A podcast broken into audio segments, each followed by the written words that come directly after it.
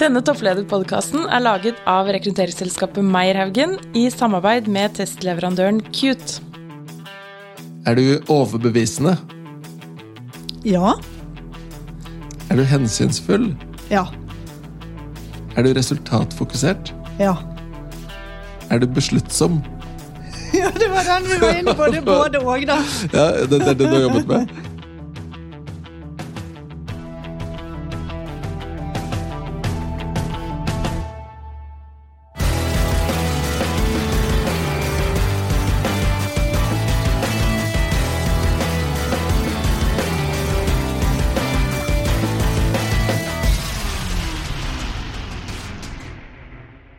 Ja, Sverre. Da er vi så heldige å ha en veldig spennende gjest i studio. Yes, og det er Jannike Trømpi Grankvist. Velkommen, Jannike. Velkommen. Tusen takk. Og for de som ikke kjenner deg, eh, hvor er du toppleder hen? Jeg er leder i Kommunalbanken, eller KBN kaller vi oss også. Ja. Så, eh, og Vi skal jo høre litt mer om eh, Kommunalbanken, eller KBN, videre. da, Men kan ikke du fortelle litt om deg og din bakgrunn? ja. Eh, Jeg har jobbet i Kommunalbanken siden 2014, så seks-syv år. Har vært eh, toppleder der da eh, i litt over et år. Eh, Fikk jobben fast i oktober i fjor. Eh, Før det eh, jobbet i oljefondet eh, i seks år. eh, Og eh, også da noen år i eh, en av de fire store, EY.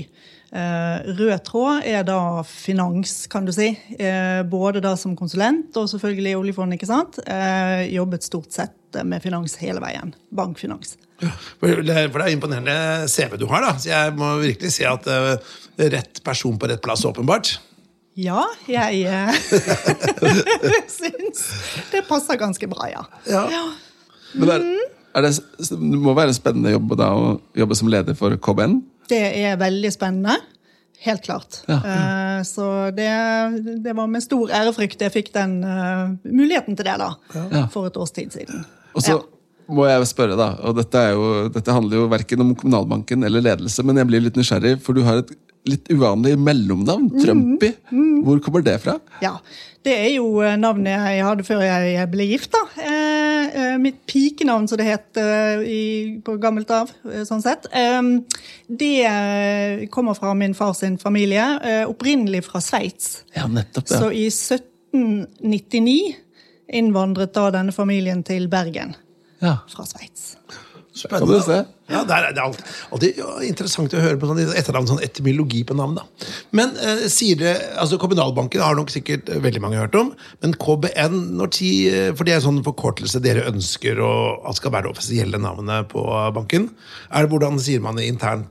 Kommunalbanken, eller sier man KBN? eller hva er liksom sånn? Vi, vi veksler litt, vi. Ja. Rett og slett. Så, så vi bruker litt begge deler. Men KBN fungerer bedre internasjonalt, blant annet. Eh, Litt sånn forkortelse, ikke sant. Men, men vi eh, har absolutt fremdeles og skal ha et eh, forhold til Kommunalbanken-navnet. eh, Som på en måte hvor, hvor eh, linken til sektoren kommer tydeligere frem. ikke sant? Så, så den ligger også eh, godt plantet hos oss. Ja. Jeg, jeg er jo den eneste som ikke har jobbet i bankbransjen her. Altså, Jeg har vært konsulent, så jeg har gjort prosjekter for bank. Men ja. kan ikke noen fortelle meg da veldig kort hva er Kommunalbanken for noe? Ja. Eh, Kommunalbanken eh, vi er den største utlåneren til eh, kommunal sektor, inkludert fylker da, og, og selskaper som har kommunal garanti. Men det, på en måte det eneste vi driver med, det er å låne ut. Vi har 50 omtrent av det markedet. Så vi er ikke en vanlig bank. Har ikke, unnskyld, kommunene har ikke bankkonti hos oss, den type ting. Så vi har ikke en banklisens. Nei. Ordinær banklisens. En finansieringsbank. Eh, Vi har kredittforetaklisens. Ja. Og så er måten vi da klarer å låne ut eh, så billig eh, som vi gjør til kommunesektoren, det at vi finansierer oss eh, internasjonalt mye. Eh, Så her foregår det veldig mye komplekst og spennende bak sceneteppet hos oss, med, med utstedelse av obligasjoner internasjonalt. Eh, Og som vi da må, vi må sikre rente- og valutarisiko, den type ting, så vi bruker en del finansielle instrumenter da, eh, for å gjøre det. Ja. Spennende, Vi skal jo komme mer tilbake til KBN eller hva kommunalbanken gjør. da. Men jeg har lyst til å bli litt bedre kjent med deg. Jeg, eh, Jannicke, kan ikke du bare fortelle at hvis, hvis vi hadde truffet hverandre på en sosial sammenheng, da, og så hadde jeg spurt deg du, Jannicke, hva mener du om? Og så treffer jeg nøyaktig på favorittemaet ditt, noe du kan prate om en hel dag. på inn- og utpust. Det kan være guilty pleasure eller hva som helst. Hva skulle det vært? Jeg har flere kandidater til Ja, ja. den, for Så vidt. Men jeg kan begynne med Jeg er veldig glad i å gå på ski. Ja, Ja. Eh, da langrenn, den gode gamle eh, Klassisk. Ikke sant? Den Ja, ja. norske varianten der, nordisk. Ja. Eh, nordisk renn. Eh, liker å gå mye på ski og har gått litt skirenn og sånt opp igjennom. Har gått f.eks. Marcialonga da, Oh, eh, yes. Seks ganger. Det er ganske Yes. langt, er det ikke det? 70 km. Ja. Ja. Så det kunne jeg fortalt eh, mye om. I tillegg så er jeg eh, rett og slett eh, anglofil. ja. ja. Eh, Så eh, jeg har studert i England. Eh, Veldig glad for at jeg gjorde det. Tok den beslutningen. Eh, Og min mann er da halvt engelsk, og vi har jo da eh, barn med britisk pass og osv. Så, videre, ikke sant? så så jeg er veldig glad i det landet. For nå, nå føler jeg på mange Ja. vis at vi, at vi møtes på en eller annen felles grunn her. Fordi Petter er veldig fotballinteressert. Ja. Og du har vel et engelsk fotballag, eh, tror jeg, Petter? Det fins jo bare et uh, fotballag som er den røde delen av Manchester. Ja, akkurat. Mens jeg er jo veldig glad i jakt og fiske. Og fiske, så er jo England egentlig arnestedet for Ja fluefiske. ikke sant? Ja da. River Test og, og så Ja. videre. Så Ja, er- England har fantastisk mye å by på. Ja. Ja, hva, er din, hva, hva er din favoritt? Er det Stilton, eller hvor, hvor er vi? liksom? Ikke din- sant? Vi er på den engelske landsbygden, Ja. og i disse landsbyene der ute er jo helt nydelige. Eh, Og puber og det hele. Slott. Ja. Ja, de har eh, ja, ekstremt mye flotte slott som er veldig gøy å besøke. Hvis du skulle gitt et reisetips til England, eh, altså sånn der, utenfor storbyene hvis du Ja. sagt, Er det Cornwall eller er det Sussex, eller hvor er det Burde du sagt at det er liksom, uh... Jeg ville reist i områder altså det, Alt du har nevnt nå, er veldig veldig bra. Ja. Eh, Så her er det jo vanskelig å velge, men jeg ville nevnt eh, Warwick. Å ja. Eh, byen Warwick med Warwick Castle. Eh, blant annet. Det er rett ved der jeg studerte da i Coventry. Ja. University of Warwick. Eh, og inkludert Stratford upon Avon og alt dette. Må, Kanaler og ja. jeg må jo si til lytteren at altså, Podkast er et flott format, men det du ikke får med deg, det er kroppsspråk. Og det er morsomt å se hva som skjer når du snakker om England. Der. For nå reiste du seg nesten i stolen her og Ja, bare ja, begynte å synge Ja. ja. sånn der engelsk nasjonalsang nesten. Ja, nei, nå, eh, nå savner jeg Nå har jeg jo ikke vært der på over et år, så Ja. nå er det litt lenge siden. Ja. Ja. Bra, jeg tenkte vi skulle gå over til de tre kjappe. Sverre. Yes. Vi eh, har jo som skikk her på Topplederpodkasten at vi pleier å stille tre kjappe spørsmål på slutten, eh, men vi presenterer de nå først.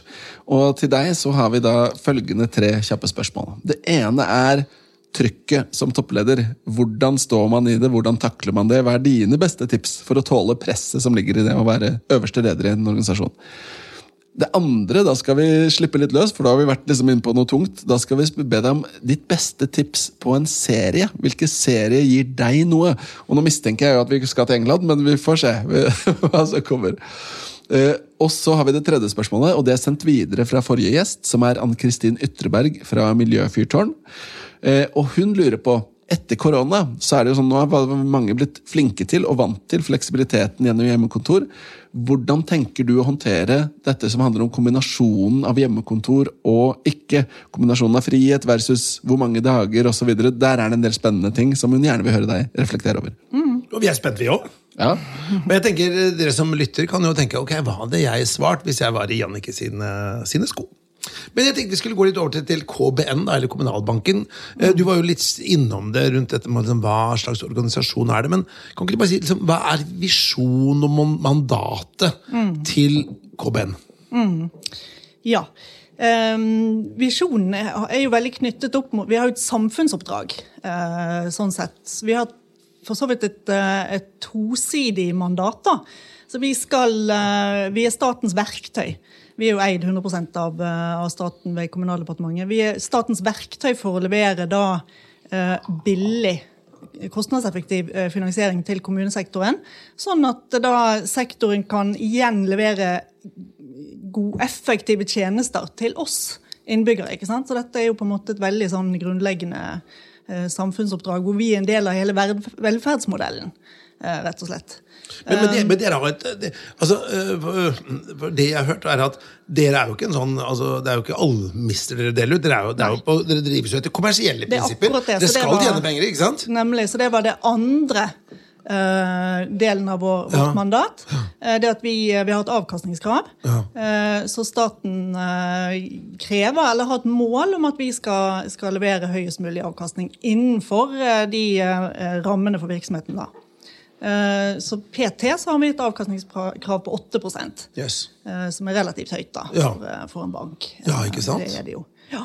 Men, men er dere, er dere, har dere, dere har ikke noe monopol på disse kommunene heller? De kan låne hvor de vil, egentlig? De kan låne hvor de vil, Ja. men det er jo veldig få banker i Norge som kan stille opp og konkurrere med våre betingelser. Ja. Det, vi har KLP som en direkte konkurrent. Eh, Utover det så, så finansierer da kommunesektoren seg i, rett i kapitalmarkedet. Mm. Så de utsteder egne obligasjoner og sertifikater. Så andre banker kan ikke ha, ha problemer med å konkurrere i dette segmentet. da. Men hvor, hvorfor er dere så gode på dette? Hvorfor, er, liksom, vi- er, det sånn, er det noe dere har som et fortrinn på andre banker? Ja, det er det. Det er rett og slett eh, at vi har en trippel A-rating Ja. og er eid av den norske staten, ikke sant? Ja. Og støttes av, eh, av staten.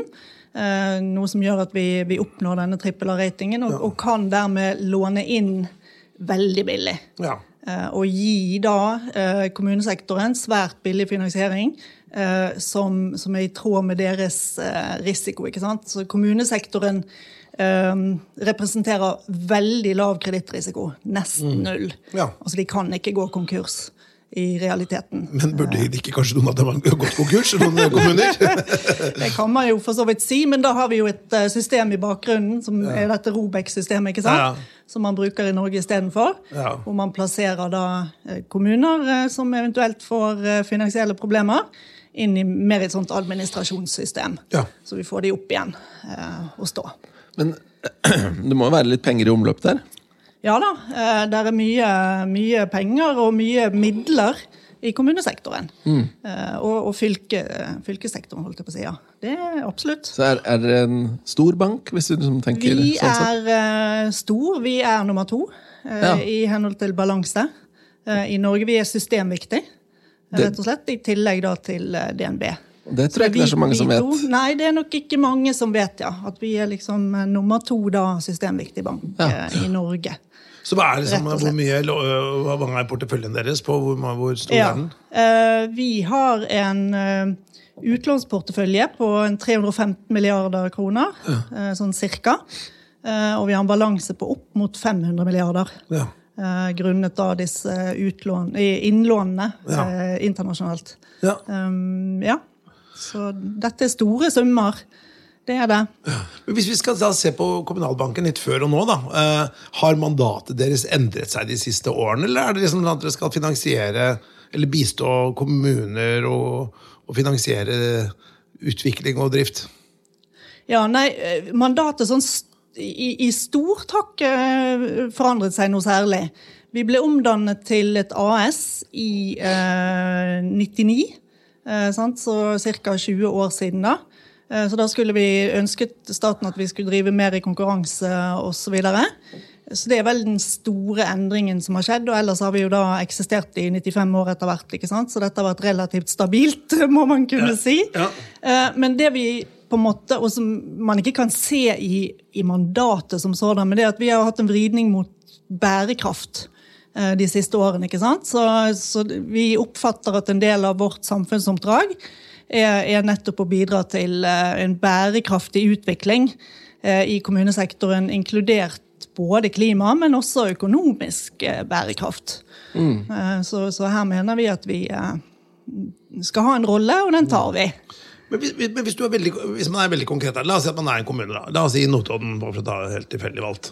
Eh, og så, Grunnen til at jeg kommer fra, fra Notodden, da, bare for å være ærlig på det. Eh, og, og det har vært en kommune som uh, vidt meg bekjent har jo hatt litt sånn ups and downs økonomisk. da, For å være litt forsiktig. Og La oss si at de skal bygge en ny svømmehall, eller nytt kulturhus eller bok- og blueshus, eller hva de skal gjøre. Og det koster da 100 millioner, så kan de låne de pengene hos dere. Det er riktig. Og, og da, men da betyr at de må da Dere skal ha de pengene igjen, så de må ha en Ja. form for garanti. Hvordan vet dere at de får de pengene tilbake igjen? da? En kommune som utgangspunktet har hatt sine økonomiske utfordringer opp igjennom? Ja, nei, Det vet vi rett og slett fordi eh, hele systemet fungerer sånn. eh, at eh, jeg, kommun- Det er rett og slett lovbestemt at kommuner kan ikke gå konkurs. så Det eneste som kan skje, det er at, at betalingen kan eventuelt bli utsatt. Ja. Eh, men, men eh, betalinger til oss, de, de er veldig stabile, og, og de, de betalingene skjer. Men- men Også i et sånt tilfelle vil det skje. Ja. Um, Men går dere det da inn for, men altså Bankfaglig, da. Så går dere Ja. inn og sikrer at jeg har egentlig behov for dette bok- og blueshuset. Altså, Ja. har, for dere kan jo nekte å gi lån, sikkert? Vi kan nekte å gi lån i prinsippet. Det Ja. gjør vi veldig sjelden. Ja. Så, men vi har eh, dialog med noen sånne, ikke sant? Den type tilfeller eh, av kommuner som kanskje begynner å, å utvikle litt uh, Kall det økonomisk utfordrende situasjon. Nå var du veldig rund. Ja, ja så det, det skjer. Eh, Så da har vi dialog, eh, og vi kredittvurderer Ja. hver enkelt kommune. Så vi, vi fargelegger, vi har en sånn fargesystem med, med grønt, eh, gult, eh, oransje, rødt osv. Ja. ikke sant? Eh, Så, så det gjør vi. Og hvis vi da beveger oss opp i sånn gult, eh, territorium, så, så har vi litt grundigere prosesser. Ja. Men det skjer nesten aldri at vi da ikke innvilger et lån. Det det, Det- det gjør vi, ja. da ble jeg nysgjerrig. Er dette, denne fargeratingen, er den eh, offentlig? Eh, nei, jeg vil ikke si at den er offentlig for offentligheten. Men den er ikke- offentlig for, altså, den er åpen Kommunen kjenner til det. Ja, så vi kan ikke, jeg kan ikke gå og sjekke om Nei. Notodden er gul eller rød eller blodrød. Det tror jeg ikke du trenger å sjekke. Det kan du Det, det ikke. altså ingen, dette er ikke meningen å disse dere. Hvis Notodden lytter, det vil vi sier unnskyld på forhånd. Ja. Ja. Men, men, men, det, men det er litt sånn, er interessant er at, Så det sier i praksis at en kommune kan egentlig låne så mye penger de vil til utviklingsprosjekter, men også drift av drift av Ikke til drift, det er til investeringsprosjekter. Ja, ja. Ja, og det vil ofte si bygge, da. ja. I realiteten De kan i utgangspunktet låne så mye de vil fra dere. Ja, det kan de. Eh, Da må de ha vedtak av kommunestyret osv. ikke sant? Ja, ja. Så, så, Men hvis de er uansvarlige, da, så er det kommunen selv som setter begrensninger på hvor mye penger de kan låne. ja, da må de ta det ansvaret selv. Men, i prinsippet. Men vi, vi ja, går i dialog med de og, og men, men du nevnte, er en diskusjonspartner. du nevnte i stad at liksom en av tingene var, som skilte dere, da, det var bl.a. denne Triple A-ratingen. Men Ja. dette må jo også være en ting som er annerledes, at du har en slags form for garanti. At de som låner, betaler tilbake. Ja, For det er jo ikke realiteten overalt. Nei da, det er helt riktig. Så vi har jo da veldig lav kredittrisiko på, på våre utlån. Og det er veldig annerledes fra andre banker, ikke sant? Ikke sant. I forhold til de segmentene de låner ut til. Ja. Eh, Så, så vi har jo ikke tap, da. Nei. Det har andre banker. Vil du si at for deres eh, la oss si, motpart er jo da kommuner. Har de, hvordan liksom har situasjonen utviklet seg der de siste årene? Er det sånn at Ber de om penger til noe annet? Ber de om mer penger eller mindre penger? Eller er de liksom mer ansvarlige? Eller, altså, hvordan er situasjonen ute i, eh, Mm. ute i Kommune-Norge? Ja. Um, skal vi se, hvordan skal vi Prøve å gjøre en lang historie kort. Ikke sant? Eh, For det første så har jo den økonomiske situasjonen i Kommune-Norge bedret seg ganske vesentlig gjennom fem til ti år, eller noe i den dur. Det er veldig få kommuner som nå er på denne Robek-listen, f.eks. Eh, rekordlavt antall. Men eh, allikevel, det er et litt sånn sammensatt bilde, så gjeldsveksten er høy eh, fremdeles. Eh, og det tror vi den eh, kommer til å være en god stund. Eh, Vi har trodd den skal falle eh, også ganske lenge, men den har vist seg jo ikke gjøre det foreløpig. Så det er en stort investeringsbehov der ute. Mm. og, og det, vekk, altså, det, vrir seg litt grann hva det bestå, investeringsbehovet består i. Så nå er vi nok eh, eh, mer over i en eh, situasjon hvor dette begynner å bli mer vann og avløp, for eksempel, ikke sant? Nå skal Oslo, for eksempel, som dere sikkert kjenner til, Ja. bygge lange vannrør og osv. osv. Dette kan de låne til hos oss, bare som et eksempel. Eh, Og så beveger vi oss også over i en, i en eh, Vi har demografiske endringer i, i landet vårt, ikke sant? Eh, med eldrebølge osv. Det påvirker også investeringsbehovet, eh, men vrir det til litt andre typer formål. da, ikke sant? Så kanskje litt mer omsorgsboliger, den type ting, enn skoler, som det har vært mm. de siste årene. da. Skoler, idrettshaller har det vært veldig mye av. Eh, Kulturbygg var jo du kan si For en fem år siden eller fem til ti år siden så var det mye av det. Det tror jeg ikke det er like mye. Den bølgen er nok litt forbi. Sånn som vi opplever det. Nå har de bygd et kulturhus på hvert et nes, så den jobben er gjort. Ikke sant? Mange steder er det i hvert fall da. Ja. Men eh, dere har jo da kommunene som, som kunder. Ja. Og er det da sånn at eh, nå- Dere jobber jo også da med å få nye kunderelasjoner, vil jeg tro. Er det sånn at noen kommuner liksom er Der har dere stor markedsandel, andre så har dere veldig lite, og de jobber dere med å få over? Eh, realiteten er at vi har alle kommuner som kunder allerede. Ja. Så det er eh, Jeg tror eh, Siste tallet jeg så, så var det én kommune som ikke hadde lån hos oss. Og det var nok bare sånn tilfeldig at akkurat da hadde de ikke det. Ja. Men det varierer allikevel, som du sier, i hvilken grad de låner hos oss. Ikke sant? Eh, Så noen bruker dette kapitalmarkedet som jeg nevnte, i, i større grad eh, enn andre. Og noen har større gjeldsgrad eh, enn andre. ikke sant? Så, så noen har eh, større lån da i, i relativt til sin økonomi, mm. rett og slett. Mm. Ja. Spennende, da. Du, jeg tenkte Vi skulle gå til dette med toppledelse, for dette er jo en topplederpodkast. Og du er da toppleder i Kommunalbanken, og det er din første topplederjobb, forstår jeg? ja, Eh, det stemmer. hvordan var det når du tenker å, nå skal jeg bli toppleder i en samfunnskritisk institusjon? Var det sånn at eh, Ops, be careful what you ask for, you might get it, og så fikk du den jobben? Eller fortell, hva tenkte du når du fikk den jobben? da? Ja, det var litt sånn øh, øh, Jeg håper å si skrekkblandet fryd. Det var jo øh, ikke planlagt fra min side på noen måte. Uh, men eh, men eh, muligheten bød seg, og da eh, tok jeg den. Og når man da ønsket å styre da, ønsket å gi meg den tilliten, så var jeg absolutt klar for det. Eh, Det var jeg. Men jeg hadde Ja. Veien blir til mens man går, er sånn som jeg opplever det, da. Eh, Jeg må stille et oppfølgingsspørsmål da, når du sier styre.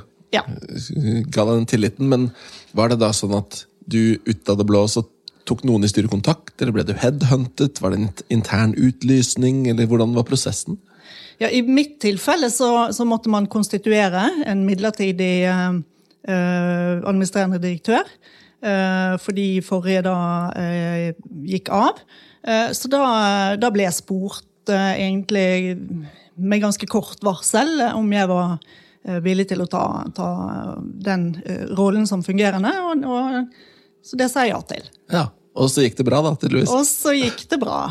Eh, så langt Hva hadde eh, du tenkt deg selv som en toppleder? La oss si at ikke sant, når, etter hvert som man har en karriere, Du har jo en veldig imponerende karriere, gjort, ikke sant, vært uh, spennende steder.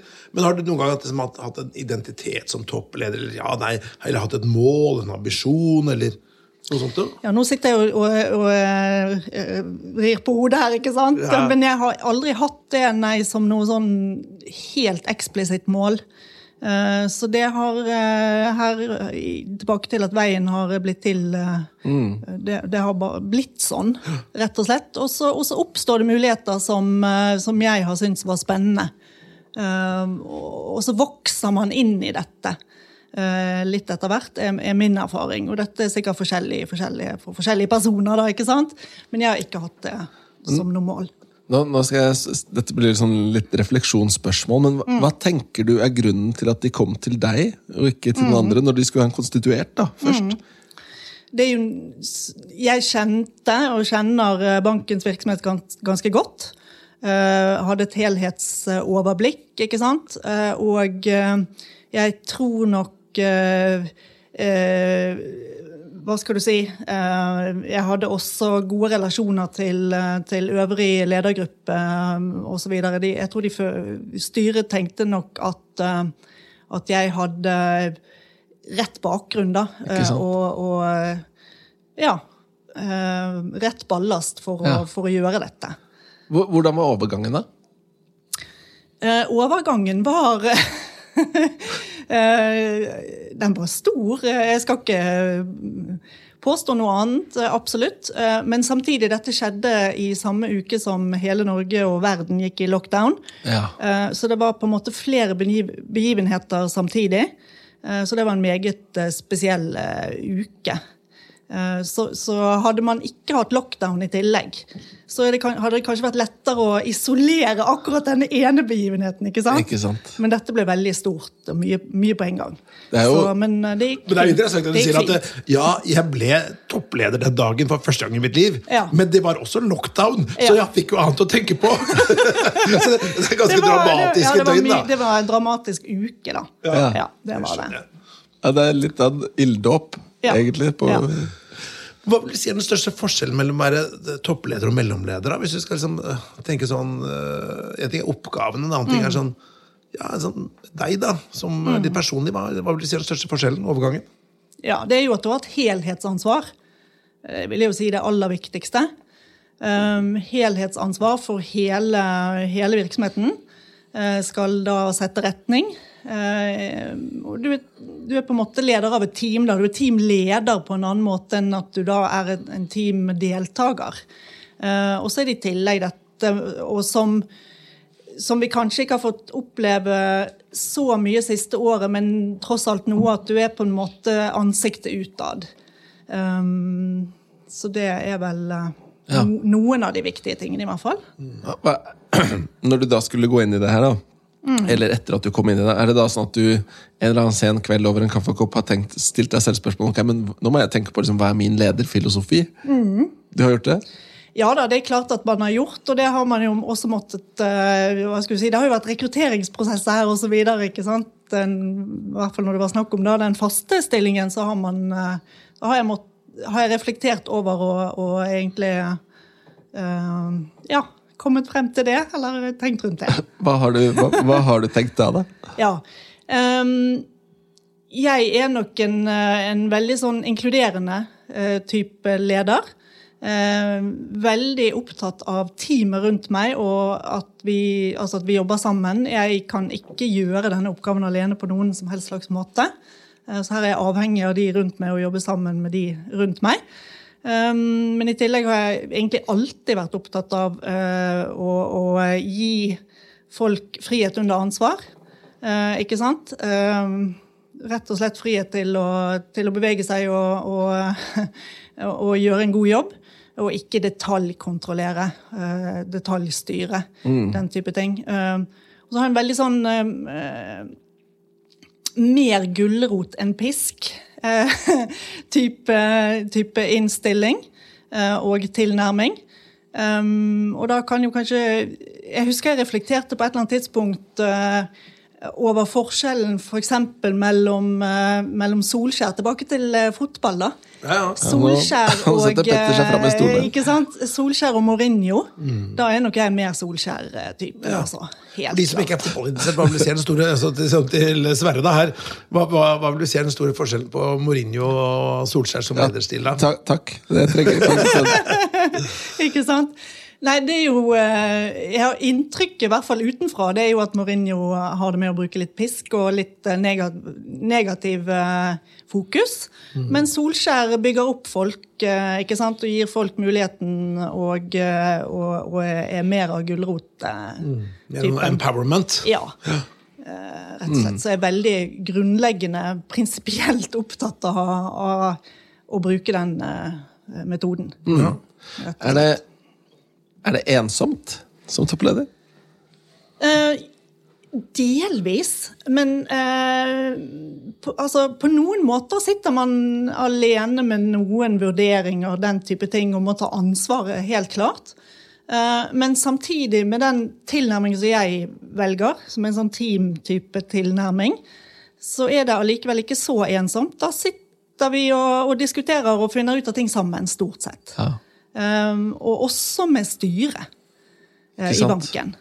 Eh, så, så jeg sitter ikke alene med disse vurderingene. Men eh, det er interessant du nevner da styret, for det er jo en viktig samarbeidspartner når man er toppleder. Hva, hva trenger du fra et styre? Jeg trenger jo selvfølgelig tillit. Ja. Det er veldig viktig. Um, og det opplever jeg at jeg har. Um, jeg har hatt veldig godt styre i Kommunalbanken. Um, eh, men jeg trenger jo også rom, da. Til å Unnskyld. Det går bra. kunne manøvrere.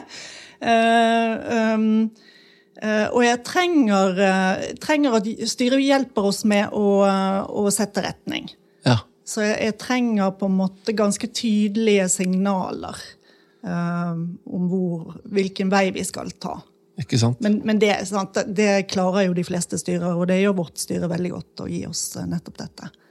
Det er litt interessant, for det er jo sånn, det tror jeg kanskje er litt sånn, Uansett om man er leder for en stor eller liten organisasjon, da, så er det jo ikke sant, det med å sette retning eh, og spesielt hvis du er i en, en kommersiell organisasjon, da, er sånn, hvor, hvor mye skal du gutse på, da, gønne på. La oss si du har et marked som La oss si du har et positivt skifte i etterspørselskurven, da, som en klassisk case. case.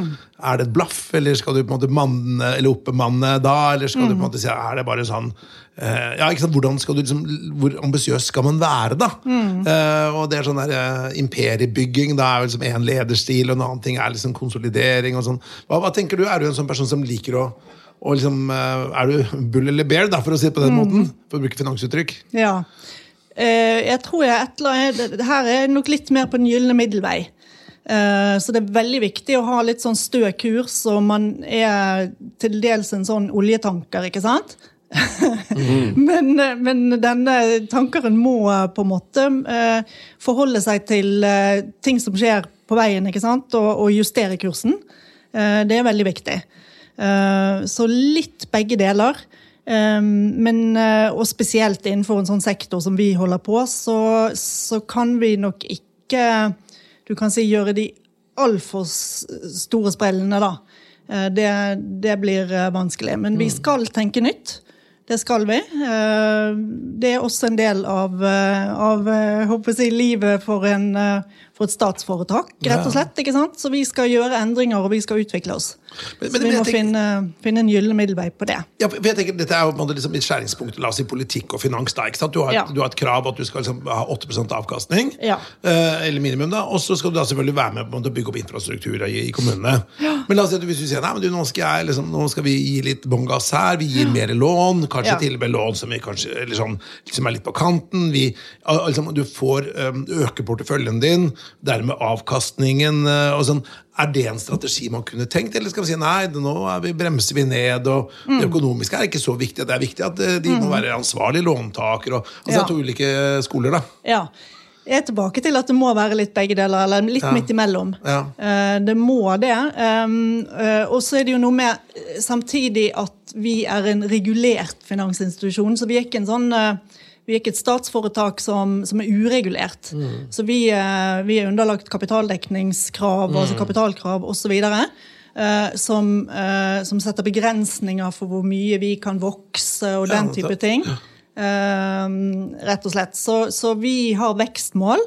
Eh, men eh, men håper jeg, vi, kan, vi kan ikke ha ubegrensede vekstmål. Nei. Det kan vi ikke ha. Samtidig så er det veldig viktig at vi har, eh, nettopp pga. det avkastningskravet som vi var inne på, at det er en lønnsom vekst. ikke sant? Så, Ja. så vi må også være opptatt av lønnsomheten i det vi driver med. Så, så her er det mange, mange ting å hensynta. Bra. Ja. Du, Jeg tenkte vi skulle gå over til dette med personlighet. Sverre, Det er jo ditt uh, fagfelt. Ja, og vi, eh, vi, vi jobber jo med rekruttering av ledere og toppledere for så vidt, og, og, og til ulike stillinger. og da er det ofte det å gå inn i personligheten til folk. Eh, Og så jobber vi med en testleverandør som heter Aon, eller Cute Aon. Eh, De har en test hvor de ser på noen trekk som de mener ofte toppledere innehar. Så skal vi sjekke deg litt nå etterpå opp mot noen sånne egenskaper. Men før vi går inn på det, så har jeg lyst til å høre din egen refleksjon. da, Hvis du skal tenke over hvor, hvem er du som person, hva slags personlighetstrekk har du? Personlighetstrekk, ja. Nå snakker vi ikke lederegenskaper. Det, nei, det kan jo være, det kan jo være Ja. sammenheng der, men Ja. Nei, jeg er positiv, Mm. vil jeg si. Eh, stort sett leter etter det positive i ting, og ikke problemer. Um, men um, jeg, Og jeg er sosial. Mm. Um, men jeg er ikke sånn altså at uh, Jeg er ikke oppmerksomhetssøkende, så jeg kan godt stille meg i bakgrunnen og la andre få stå frem. Men jeg er so sosial og omgjengelig. Jeg er veldig analytisk. ja. Eh, litt i overkant, kanskje, analytisk. Eh, så på en måte jeg har en veldig sånn tendens til å innhente fakta. Ja. Ikke sant? Og data. Ikke sant? Så, så det Og jeg mener jo det i stor grad at det, det er riktig, ikke sant? men jeg må på en måte begrense meg selv litt. Grann, Ja. Og klare å være litt uh, mer intuitiv av og til. Og stole litt mer på magefølelsen, da. Og så er det jo, så er det jo sånn sant, at ulike personlighetstrekk, eller ett trekk, da, om Mm. du f.eks. er analytisk, så vil det i noen sammenhenger være en kjempestyrke. Mm. Så er det noen ganger hvor det kanskje kan være et hinder. Ja. Hvilke egenskaper tenker du har vært deg til størst hjelp i, opp i karrieren din? da? Mm. Og hvilke ting har du måttet jobbe mest med? Ikke sant? Eh, jeg vil jo si at det analytiske har vært eh, til svært stor hjelp. Nå, jeg kommer fra en bakgrunn, eh, som jeg sa, jeg har jobbet med finans, finansielle instrumenter, opp igjennom, men jeg har jobbet stort sett hele tiden i økonomifunksjoner eh, innenfor bankfinans. da. Eh, Eller som rådgiver til økonomifunksjoner innenfor bankfinans. Og det er jo et veldig sånn datadrevet, eh, kall det, eh, funksjon, Ja. rett og slett. Um, så, så det har nok vært riktig der. eh, og eh, har hjulpet meg liksom, i min karriere der. Samtidig ikke det tvil om at dette med det sosial, altså, eh, mine sosiale antenner og at jeg er en sosial og utadvendt person, eh, hjelper meg å skape nettverk. Ja. Ikke sant? Det gjør jo det. Det er ikke tvil om det. Nei. Um, så de to tingene vil jeg jo si har vært eh, positive. Eh, så hva jeg har jobbet, måttet jobbe mye med, er nok rett og slett kanskje det å ta beslutninger. Ja. Ikke sant? Eh, hvor eh, jeg har kanskje i, i stor grad en tendens til å på en måte eh, innhente fakta. Jeg har lenet deg på dataene. Ja. Ja. Og bruker jo da mye tid på å gjøre meg klar for en beslutning. Ja. Eh, og så må jeg på en måte da eh, Har jeg jobbet bevisst med å eh, finne ut i hvilke tilfeller jeg skal prøve å ta beslutninger litt fortere. Ja. Og basert på større grad av magefølelse. ikke sant? Og man har jo opparbeidet seg en erfaring etter hvert. Der har vi jo hatt noen gode refleksjoner tidligere. Ja. Ja, men jeg bare tenkte, men et kjapt spørsmål der, for, liksom, for, for Jeg, jeg syns det er veldig spennende det du sier nå, Jannicke. Men så kan man si at det med å innhente fakta, da, er det en sånn form for proporsjonalitet da, mellom beslutningens eh, La oss si vanskelighetsgrad eller konsekvens eller mulighet til å gå tilbake på det. Eller, altså, det er jo noen sånne Ja. parametere. Da, men Ja. for eksempel, la oss si, man, hvis man skal dra på ferie, da, ikke sant? Uh, en sommerferie. Altså, Ja, det blir England. ja, ja, ja. Men la- hvis du skal velge et hotell, da, ikke sant? så kan man, liksom- man kan jo sjekke det hotellet. Eller man skal kjøpe en støvsuger eller en bil. Eller, altså, jo, det er, det, er, det, er, det er jo viktige beslutninger, men, men noen skal innrette så mye at de aldri får tatt den beslutningen. Kontra hvis dere da i en, en, en stor sånn øh, La oss si en øh, stor bank øh, økonomisk sak, da. Sant? Hvor, hvor liksom, da bruker man noen måneder, da. ikke sant? Ja. Men, men kan du kutte det ned på at dette er greit, og så går du videre? Ja. eh, jeg er jo blitt flinkere til det. Ja. ikke sant? Men det er som du er inne på, at det er forskjell på de beslutningene ikke sant? det er snakk om. Eh, Og noen av de, eh, noen av de, egner, de egner seg bedre for å ta fortere. Da Ja. Da bør man kunne ta fortere. Så ja, ja, ja, helt klart forskjell på det. Ja. Men nå skal, vi, nå skal vi sjekke deg opp mot disse kriteriene. Jannicke. Så nå skal jeg lese opp noen personlighetstrekk, og så skal du si om du kjenner deg igjen i om, du mener at du har den egenskapen eller ikke. Er du klar? Ja. Er du overbevisende? Ja. Er du hensynsfull? Ja. Er du resultatfokusert? Ja. Er du besluttsom? ja, det var den vi var inne på. Det er både og, da. Ja, det, er det du har jobbet med. Er du teoretisk? Nei. Nei. Men analytisk sa vi i stad, men ikke teoretisk. Er du optimistisk? Ja. Ja, for der sa du positiv. Ja. Er du behersket? Ja. Ja. Er du entusiastisk? Ja. Ja, det går fort. ja, for det er, det, jo, det er jo ganske interessant, for det er veldig ofte disse lederne vi har, de, de sjekker av på mange av disse punktene. da. Og, og du har eh, en av de som du ikke er enig i, den teoretisk. Hva, Når du hører teoretisk, hva legger du i det? For det kan jo tolkes litt sånn forskjellig. Det kan tolkes forskjellig, selvfølgelig. Um, da legger jeg i det å, å gå til teorier og på en måte slavisk følge de. Eh, i, i, sant, I mange tilfeller. På, ikke at jeg kommer på noen gode eksempler her nå, dessverre. Eh, men jeg er nok mer pragmatisk av meg. Så jeg, jeg er veldig opptatt av å kjenne til disse teoriene. Eh, altså relevante teorier, men jeg trenger ikke å, å, å, liksom, å se hen til dem. på et vis, Men jeg trenger ikke å, å følge dette slavisk, nei. Stoler mer på data enn teori? Ja. Ja. Ja. jeg gjør nok det. Bra. Jeg tenkte vi skulle altså, det aller største klassiske spørsmålet da, innen toppledelse er kunne man ledet hva som helst, eller er det skomaker blir vi din lest? Hvis, ikke sant, nå har jo du vært mye innen finans, som du har sagt. eh, eh, mye eh, offentlig, egentlig. altså sånn Oljefondet og KBN og sånn. Men la oss si at hvis, hvis du skulle få spørsmål som å lede la oss si Nav, da, eller skulle du lede et, et eh, forskningsinstitutt, eller skulle du lede norske marinen, eller altså sånn, noe som er helt annerledes, da? Hva tenker du rundt det?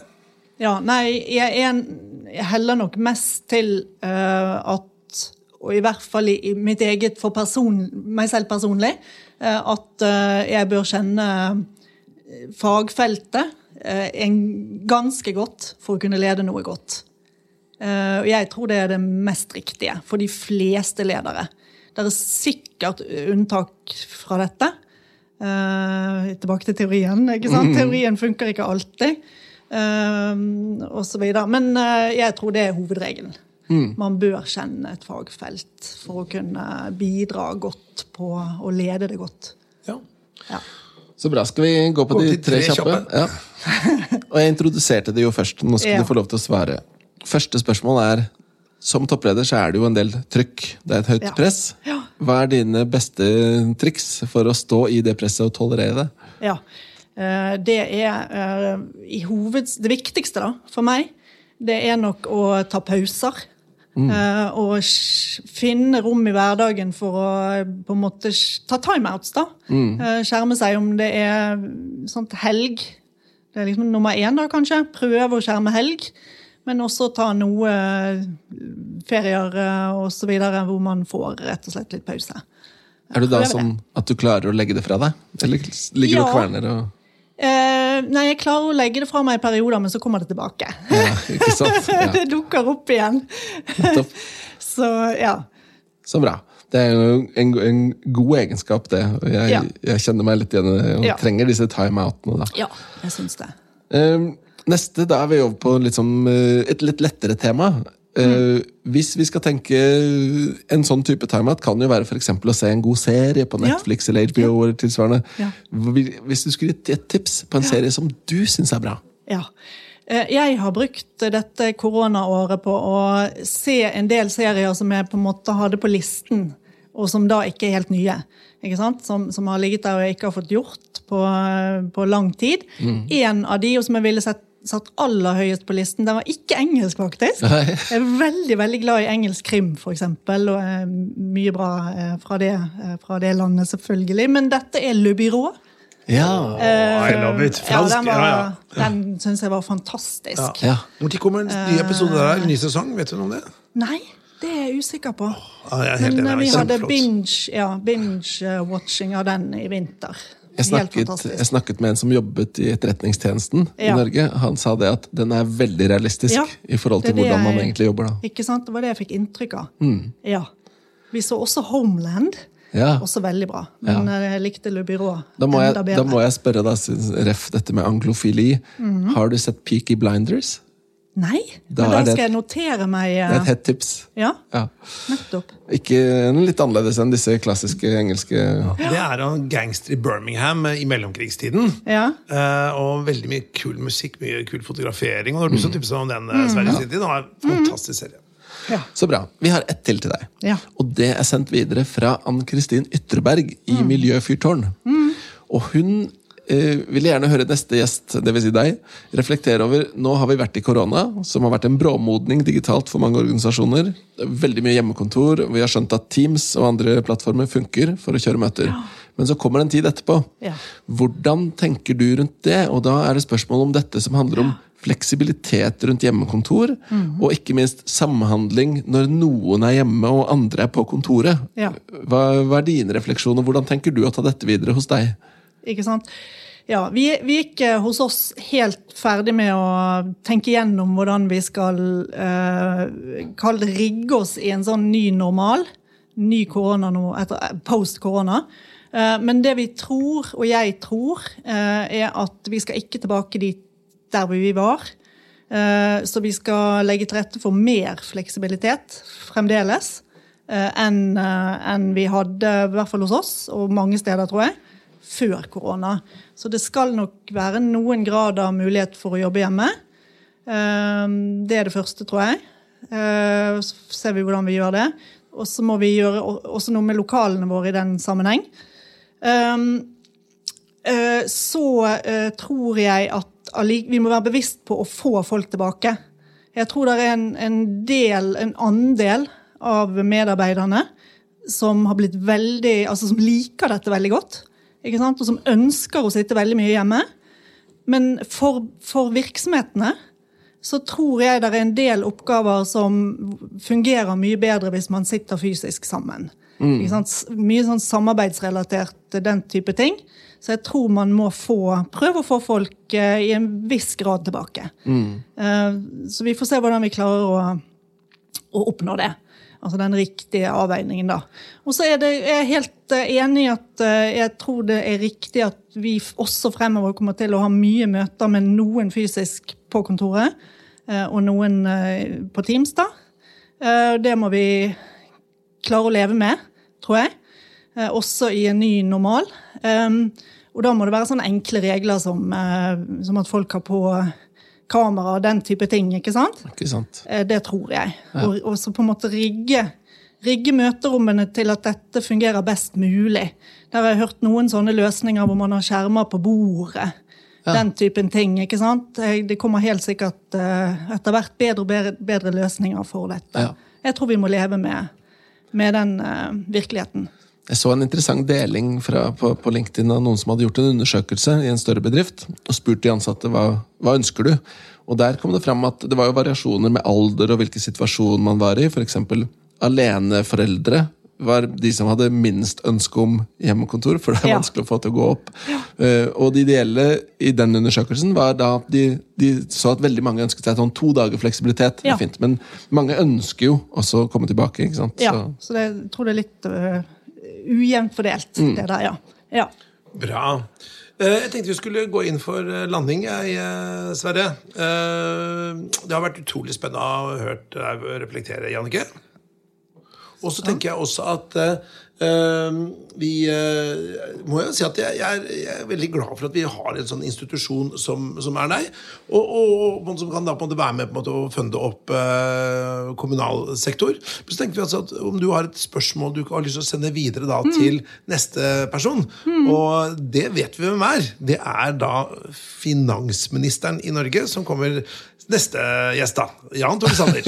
Så hva lurer du på med Jan Tore Sanner? Oi, oi. ja, det var, Greit. Det var en passende gjest å Det var spennende.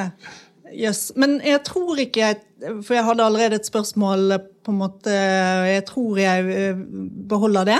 Ja. Eh, men da kan jo vedkommende tenke både på Finansdepartementet, men kanskje aller mest på hvordan skal staten legge til rette for, eh, for dette eh, i næringslivet. Og det er hvordan får Altså, i, vi er i en periode de siste par år hvor det har blitt mer og mer fokus på bærekraft eh, og klima. Og det er helt tydelig at på en måte ting vrir seg mot at det er det bærekraftige kapitalen tiltrekker seg, osv. osv. Eh, men hvordan kan bedriftene um, legge til rette for bærekraftige uh, forretningsmodeller? Konkret. Hvordan kan bedriftene legge til rette for bærekraftige forretningsmodeller? Ja, fremover. Og, og altså i en nullutslippsverden. Det er et veldig relevant og veldig vanskelig tema. Det er et vanskelig tema. Ja, for eksempel, sånn, Nå skal ikke jeg svare på, for eh, Jan Tore Sanner, men én ting er at det er bærekraft, en annen ting er liksom noen eh, Man kan jo funde det sånn at det blir bærekraftig. Ja. Eller at det er bærekraftig. Det er bare å gi Ja. nok støtte til det, så kan jo alle gjøre nærmest Ja. hva de vil. Ok, Spennende. Jeg skal ikke begynne å debattere dette her, men jeg bare merker at dette her er et veldig relevant spørsmål. Veldig bra. Det sender vi videre. Ja. Men da tenker jeg tusen hjertelig takk for at du var her, og eh, fortsatt lykke til med å være toppleder i KBN. De gjør en veldig viktig jobb, eh, og jeg vet at det er mange som setter pris på ditt lederskap der, så fortsatt lykke til. Tusen takk. Har du innspill eller kommentarer til denne podkasten, kan du sende en e-post til toppleder at meierhaugen.no.